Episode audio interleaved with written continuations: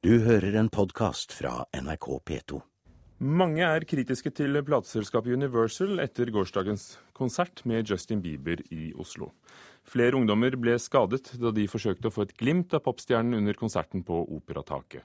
Byrådsleder i Oslo, Stian Berge Røsland, krever oppvask etter kaoset. Det var en veldig kritisk fase eh, før denne konserten startet, hvor det var titusenvis av ungdommer eh, uten at det virket som det var noe særlig kontroll på situasjonen. Men dette kunne gått fryktelig galt. Eh, og her må vi ha en gjennomgang for å finne ut hvor det sviktet, eh, i hvilke ledd, og,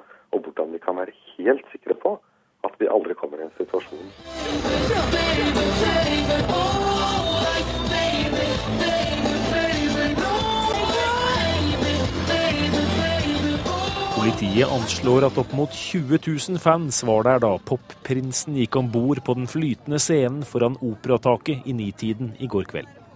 De fleste av dem hadde da allerede vært der i mange timer, men det var ikke bare kos og allsang i timene før konserten. Vi har sittet og venta i fem timer, og vi kommer ikke inn. Kan du slippe oss inn? Vær så snill! Vi sto i kø og ble most, liksom. Og fikk ikke puste, så det var sånn derre Du fikk liksom helt panikkanfall. Alle trodde at man kom inn, men så ble man bare sendt til bak der ved storskjermen. Anders Temmerud var en av mange foreldre som fortvilte over at konserten ble utsatt i flere timer. Det er dårlig arrangert, rett og slett. For det første så er det jo å gi ut opplysning om at det er til klokka fire, sånn at folk drar rett fra skolen, har kanskje ikke med seg mat, har ikke med seg penger.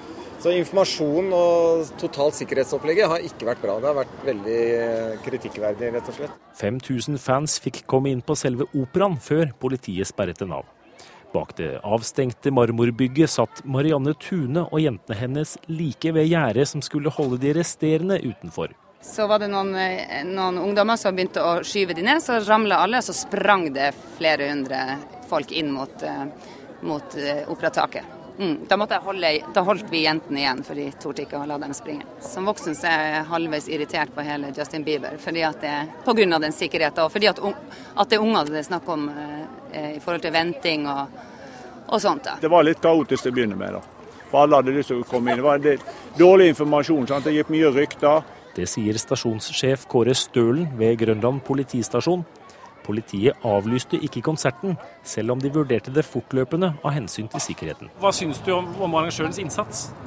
Det kan vi se i ettertid, men eh, vi må jo tenke litt på det. Det er jo foreldrene som har hovedansvaret når de slipper inn ti eh, og elleve år gamle personer ned her. da. Så det er foreldrene, ikke arrangørene, som har ansvaret her i dag? Dette er en gratiskonsert. da. Det kunne kanskje vært litt bedre informasjon på forhånd. ja. Mye av kaoset skyldtes at det lenge var hemmelig hvor og når gratiskonserten skulle finne sted.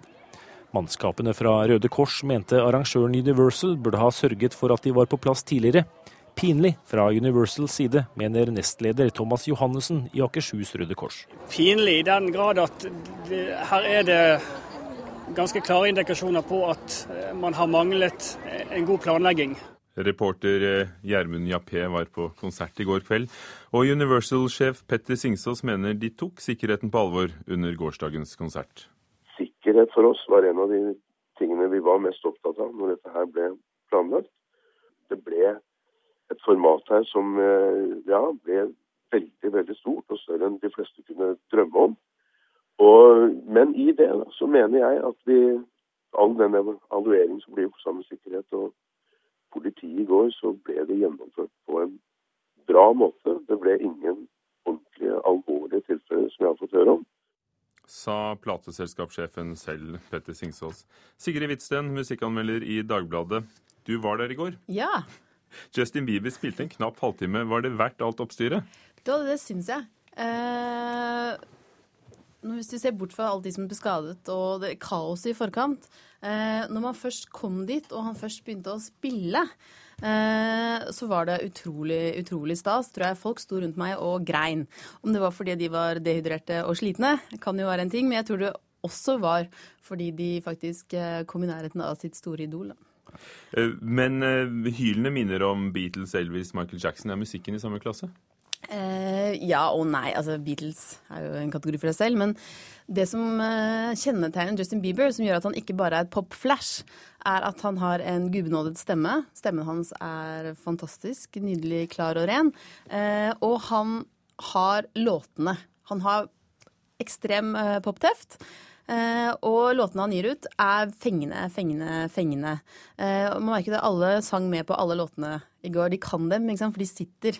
Uh, og det er noe av, av, det han gjør riktig, da. Samtidig så er han jo også en liten fløtepus som vet akkurat når han skal smile, og akkurat når han skal begynne å snakke med publikum. Altså, han kan trykke på de rette knappene selv om han bare er 18 år. Vi har hørt mye om ungpikene som dånte. Jeg kjenner voksne menn som var til stede der i går. Hvem så du rundt deg blant publikum? Jeg så veldig veldig mange søte tenåringsjenter. Eh, og så så jeg faktisk en del gutter. Og jeg tenkte at Først tenkte jeg at de er jo her bare for å sjekke, eller sleipe slasker. Veldig smarte. Eh, men jeg skjønte etter hvert at de også var like store fans som jentene. Du kan si at han er ikke bare et tenåringsjentefenomen eh, på grunn av disse låtene. Eh, som er så fengende, så treffer han også gutter, og treffer bredt. Og mødre, ikke minst. Hvor mye skriver han selv av musikken? Han skriver uh, ikke så mye selv. Han, han, jobber med gode, flinke, etablerte sang skribenter. Men det handler kanskje like mye om fenomenet som musikken? Ja, det er akkurat det. Altså, det var det som skjedde i går. Eh, var jo det en slags katt og mus-lek, da, kan du si, med fansen. Eh, det å gi dem litt hele tiden, men ikke nok til at de skjønner helt hva som skjer.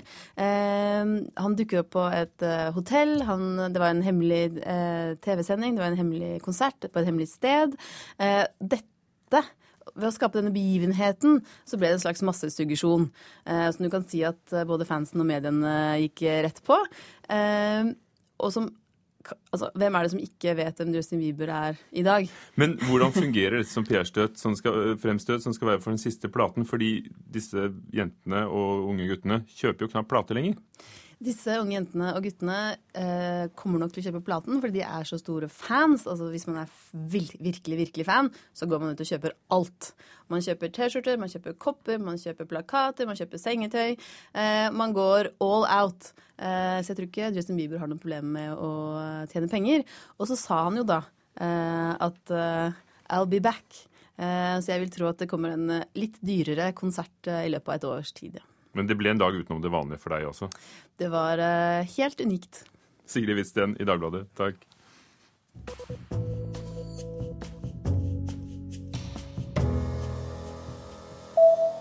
Økokrim krever tre års fengsel for Geir Ove Kvalheim, som er tiltalt for å ha solgt falske notater, brev og manuskriptbiter av Henrik Ibsen og Knut Hamsun. Det vil si, det var det jo ikke, da. Aktor la frem påstand i den omfattende svindelsaken i går, skriver Aftenposten. Økokrim mener den bedrageritiltalte 41-åringen har utført svindelen med sterkt forbrytersk vilje, og den tiltalte selv nekter straffskyld. Køen var lang utenfor lokalet, og mange kom ikke inn da den avdøde forfatteren Stig Seterbakken ble minnet på Norsk litteraturfestival på Lillehammer i går kveld. Og han ble ikke bare minnet, Seterbakken ble også hyllet som en av de store i sin generasjon av forfattere. Han hadde en sånn leikende holdning til det meste, men det var en alvorsom leik. Og hvor alvorsom det var, forstår vi kanskje først nå. Det sa forfatter og forsker Nora Simongjell til et fullsatt kulturhus i Lillehammer i går kveld. Hun har tatt doktorgrad på en av Setebakkens bøker. Forfatter Stig Setebakken døde i januar i år, bare 46 år gammel. Redaktør i magasinet Vagant, Audun Lindholm, arbeidet nært med Seterbakken.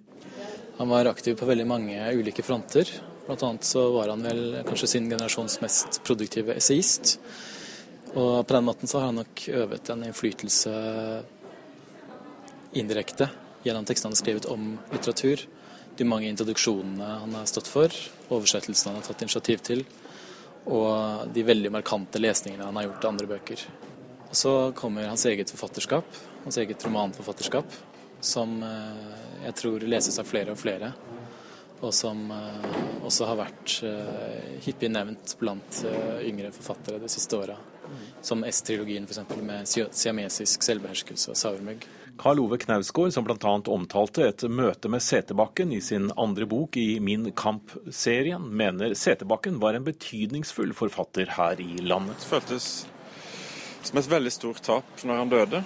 Fordi at en følelse av vi er en generasjon. Det er ganske få forfattere i en generasjon, og han hadde en veldig viktig gjorde en veldig viktig jobb der. Han skrev veldig gode bøker. Så at hans stemme er borte, er For det første er det vanskelig å forstå, for det andre så er det jo eh, Føles det det som et tap. Hvorfor tror du han hylles så veldig nå etter at han er død? Det er jo naturlig, for det, man ser jo ikke det man har. Når det blir borte, så ser man det. Da ser man plutselig hva f.eks. Stig Seiterbakken egentlig gjorde. Og det er veldig mange ting som har kommet fram som heller ikke jeg visste om, om hans virke. Da. Så det er det det handler om, tror jeg. At uh, det vi tok for gitt, det kan vi ikke ta lenger for gitt når han er vekke. Men, men du er jo blitt berømt mens du lever. Hva er forskjellen på deg og Seterbakken? Uh, jeg har vel vært litt mindre kompromissløs enn han. Han var en han var en veldig kompromissløs forfatter med en slags total integritet. Eh, og det er vel veldig vanskelig å forene med å selge masse bøker. Det er nok en eh, ganske typisk eh, litt morbid mekanisme i offentligheten. Men innad i det litterære miljøene blant kritikere og andre forfattere har han jo vært veldig anerkjent lenge, fra 90-tallet av. Burde han egentlig vært her og fortsatt arbeidet sitt? Helt åpenbart. Han var på høyden av eh, forfatterskapet, og det er en ulykke at han ikke er her til å fortsette å skrive. Og det sa redaktør i magasinet Vagant, Audun eh, Lindholm, til eh, reporter Stein Skinstad. Storbritannias kulturminister Jeremy Hunt er i hardt vær. I dag skal han avhøres i den eh, offentlige høringen som ble satt i gang etter eh, avlyttingsskandalen i News of the World-avisen. Hunt er beskyldt for å ha hatt eh, for tette bånd til Rupert Murdoch, aviseieren, i forbindelse med oppkjøpet av medieselskapet B-Sky Og Gry Blekastad Almås, vår korrespondent i London, hva er innholdet i disse beskyldningene? Hva skal han ha gjort?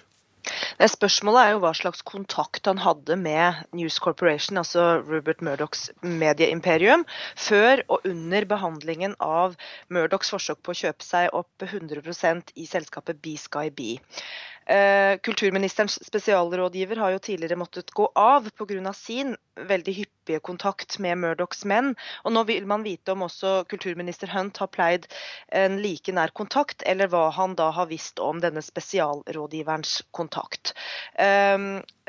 Poenget er jo å finne ut om han på noen måte har vært partisk i sin saksbehandling.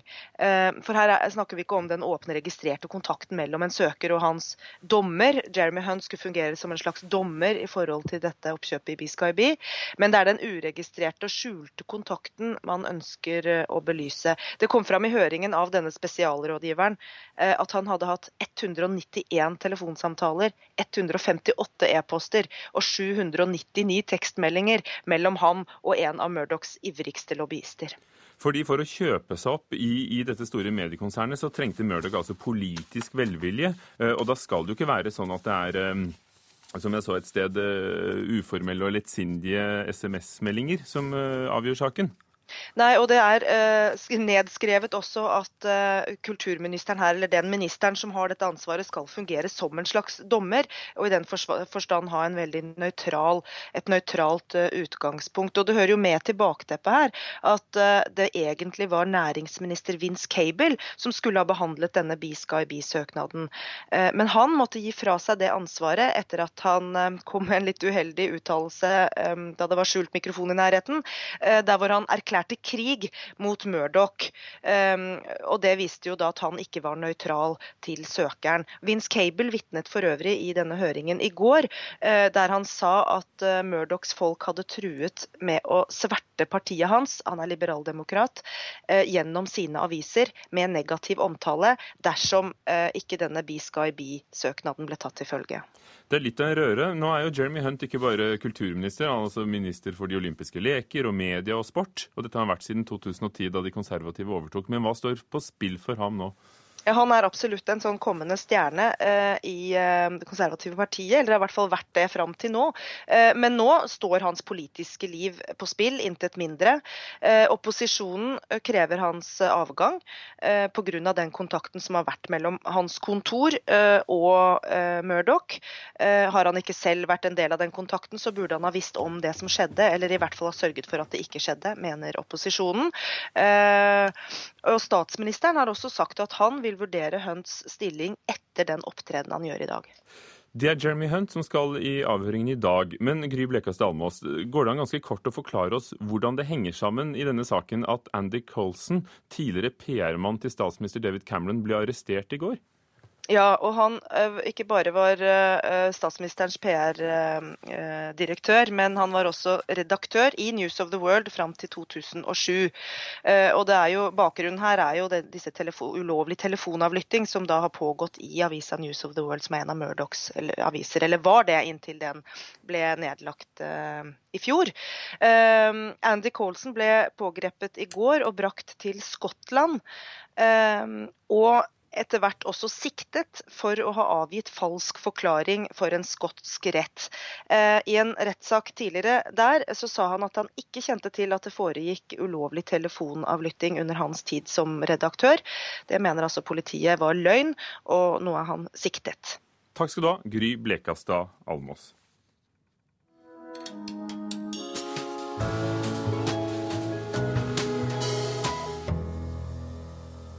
Ridley Scott har laget en ny film, 'Prometheus' på engelsk. Her vender skaperne Alien tilbake til science fiction-universet, og vår kritiker Einar Gullvåg Staalesen har sett den.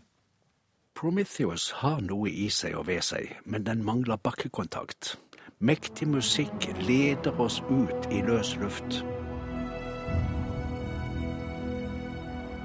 Fantasiene spilles ut i andre solsystem, blant andre forekomster av liv, og minner om at jordboere har vært der og frosset seg ned for lagring for lenge siden. Oppdagere reiser nå ut og finner at det har vært skapere i den tynne lufta før dem. I reklamen sies det at Ridley Scott har skapt ny banebrytende mytologi. Jeg synes jeg ser en slags oppsummering av det vi har slitt med i sci-fi, katastrofe, romeventyrbransjen de siste ti årene. I likhet med mange andre filmskapere utbroderer Ridley Scott en haug ekle situasjoner med ålete slimdyr i kjempblekksprutdesign, som gror ut av levende og døde kropper og truer menneskeheten som kan befinne seg på Tellus, kanskje. Det foregår årespreng og rask forråtnelse og voldsomme kjøttetende fenomen, og det foregår i nokså normale animasjoner etter forholdene og den filmatiske tidsalder, men det skjer i 3D. Det vil si, det foregår i semi-3D, en type halvveis 3D som gir mer uskarpe bilder enn sterke virkninger. Periodevis er det sjenerende dårlig. Det er til å bli dårlig av. Pops er saying. En del visningssteder tilbyr filmen både i 3D og 2D. Velg 2D hvis du absolutt må se enda en film i denne sjangeren. Jesus. Sunlight's heating the water. Svenske Noomi Rapaz er den på klodene og mellom dem som ligger best an til å redde etterslekten. Ikke på grunn av det hun foretar seg, men fordi hun har hovedrollen. Hun er fin, men jeg synes hun kler jordiske roller bedre. Rapaz viser at intergalaktisk liv ikke dreper kjærligheten. Skjønt det røyner på, for ti timer etter et samleie viser det seg at hun allerede er tre måneder på vei med et monster. Hun aborterer i en operasjonsrobot, selvbetjent. Det er ikke mye mer i filmen som er så konkret at det kan refereres rasjonelt. Jeg finner ikke rasjonelle sammenhenger heller. Ridley Scott har gjort mye solid filmarbeid i sin karriere. Vi ser eksempler på gode visuelle innfall her også, og vi ser at han kan manipulere bilder, men han er ikke blant de mest nyskapende nå lenger. Scott er 75 år. Einar Gullvåg Staalesen han anmelder flere av ukens premiere klokken 15.40 i Mørkets opplevelser, og så finner du alltid filmanmeldelsene på nrk.no kultur. Du har hørt en podkast fra NRK P2.